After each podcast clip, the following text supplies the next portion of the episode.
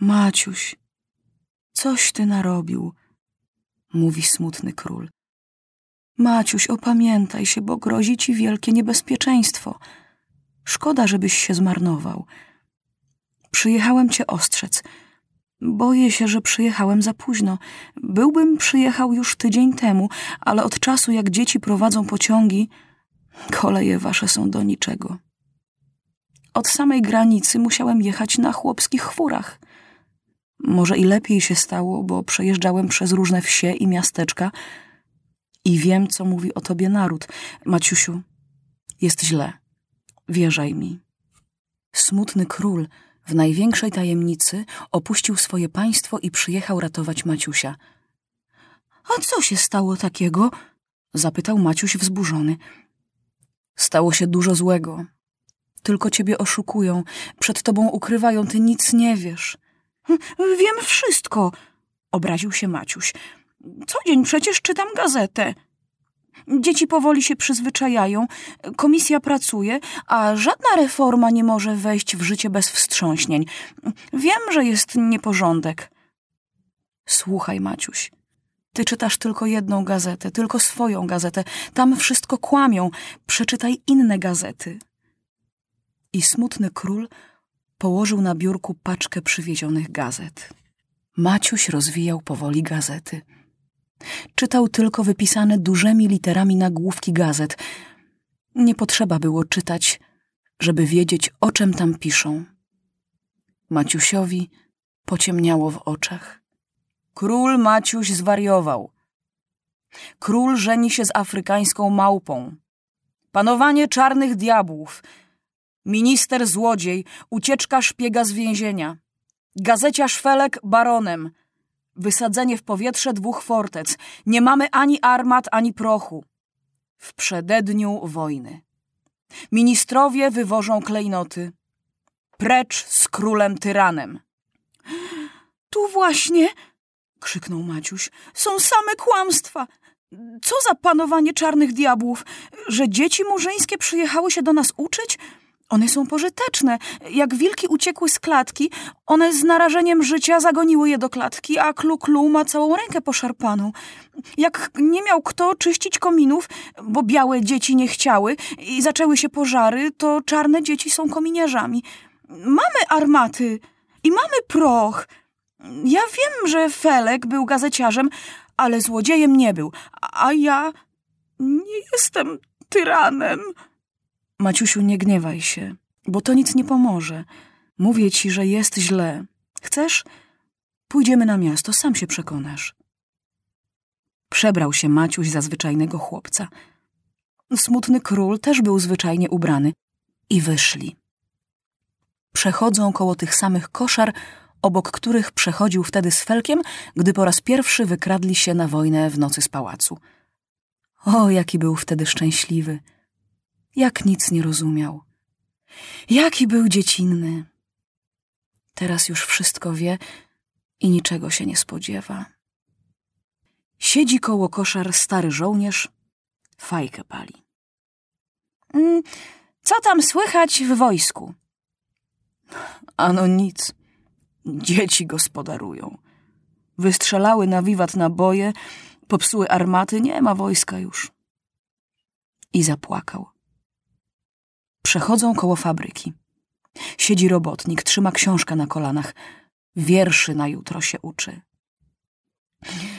Co tam słychać w fabrykach? A wejdźcie, to zobaczycie. Teraz każdemu wolno wchodzić. Wchodzą. W kantorze papiery porozrzucane. Główny kocioł pękł. Maszyny stoją. Paru chłopców kręci się po sali. Co wy tu robicie? Ano, przysłali tu nas pięciuset, żeby robić. Tam ci powiedzieli, nie ma głupich i poszli sobie na wagary.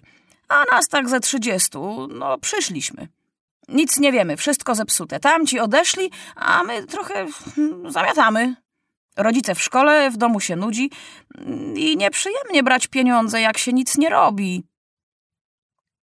Połowa sklepów na ulicach zamknięta chociaż już wszyscy wiedzieli, że wilki w klatce.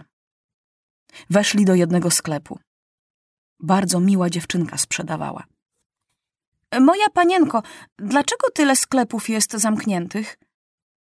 Y, Bo wszystko ukradli. Policji nie ma, wojska nie ma. Łobuzeria włóczy się po ulicy i grabi. Co kto miał, zaniósł do domu i schował. Wstąpili na dworzec kolei. Na środku leżał rozbity pociąg. Co się stało?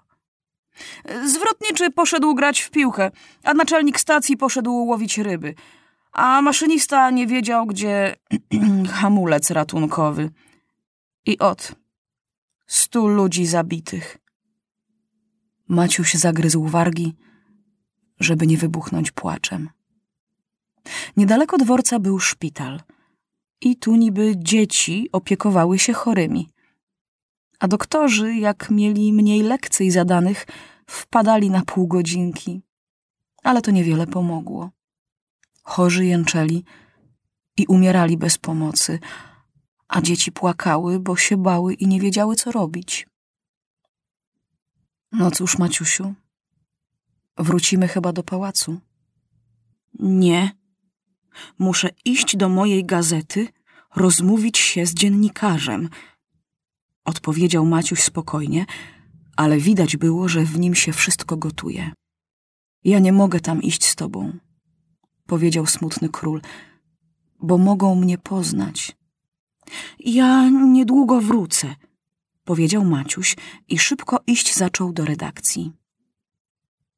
A król popatrzał za nim. Popatrzał, pokiwał głową i wrócił do pałacu. Maciuś nie szedł teraz, a biegł. Ręce zacisnął w pięście i czuł, jak odzywa się w nim krew Henryka Porywczego. Poczekaj, ty złodzieju, ty kłamczuchu, ty oszuście, odpowiesz ty mi za wszystko. Wpadł Maciuś do pokoju dziennikarza. Przy biurku siedział dziennikarz, a Felek leży na kanapie i pali cygaro. Aha, i ty tu jesteś! krzyknął raczej niż powiedział Maciuś. Tem lepiej. Rozmówię się z wami dwoma. Coście wy zrobili? Wasza królewska mość zechce spocząć. Zaczął swoim cichym, miłym głosem dziennikarz. Maciuś drgnął. Teraz już był pewien, że dziennikarz jest szpiegiem. Dawno mu to już serce mówiło, ale teraz zrozumiał wszystko. A masz, ty szpiegu! krzyknął Maciuś i już miał strzelić do niego z rewolweru, z którym się od czasu wojny nie rozstawał, gdy szpieg błyskawicznym ruchem schwycił Maciusia za rękę. Kula uderzyła w sufit. Dzieciom się rewolwerów nie daje, powiedział z uśmiechem dziennikarz i tak mocno ścisnął rękę Maciusia, jakby mu mięso odchodziło od kości. Ręka się sama otworzyła, a dziennikarz rewolwer schował do biurka i zamknął na klucz. Teraz możemy spokojnie porozmawiać. Więc co wasza królewska mość ma mi do zarzucenia? Że broniłem waszej królewskiej mości w mojej gazecie? Że uspokajałem i tłumaczyłem? Że chwaliłem klu-klu? Za to wasza królewska mość nazywa mnie szpiegiem i chce do mnie strzelać? A to głupie prawo o szkołach? Cóż ja winien? Przez głosowanie postanowiły tak dzieci. Dlaczego pan nie napisał w gazecie, że nasze fortece wysadzone w powietrze? O tem powinien był donieść minister wojny. Naród o takich rzeczach nie powinien wiedzieć, bo to jest tajemnica wojskowa. A dlaczego pan się tak wypytywał o pożar w lasach zagranicznego króla? Dziennikarz musi się o wszystko pytać, bo z tego co wie, wybiera potem wiadomości do gazety. Gazetę moją wasza królewska mość czytał codziennie. Czy źle w niej pisało? O, bardzo dobrze, aż za dobrze, boleśnie roześmiał się Maciuś. Dziennikarz spojrzał Maciusiowi prosto w oczy i zapytał: Czy wasza królewska mość i teraz jeszcze nazwie mnie szpiegiem? Ja cię nazwę! krzyknął Felek, zrywając się z kanapy. Dziennikarz zbladł. Wściekłością spojrzał na Felka i zanim obaj chłopcy mogli się opamiętać, już stał we drzwiach. Zobaczymy się nie za długo znów, smarkacze, zawołał i zbiegł szybko po schodach. Przed domem nie wiadomo skąd się wziął samochód. Dziennikarz coś powiedział szoferowi. Trzymaj! Łapaj! krzyczał Felek przez okno, które z rozmachem otworzył. Ale było za późno. Samochód znikł na rogu. Zresztą kto go miał zatrzymać? Tylko przed domem zebrało się trochę gapiów i dzieci i patrzyli, co to za hałas. Maciuś zdziwiony był tym, co się stało, a Felek z płaczem rzucił mu się do nóg. Królu, zabij mnie. Królu, to wszystko moja wina, ryczał Felek. O ja nieszczęśliwy, co ja narobiłem?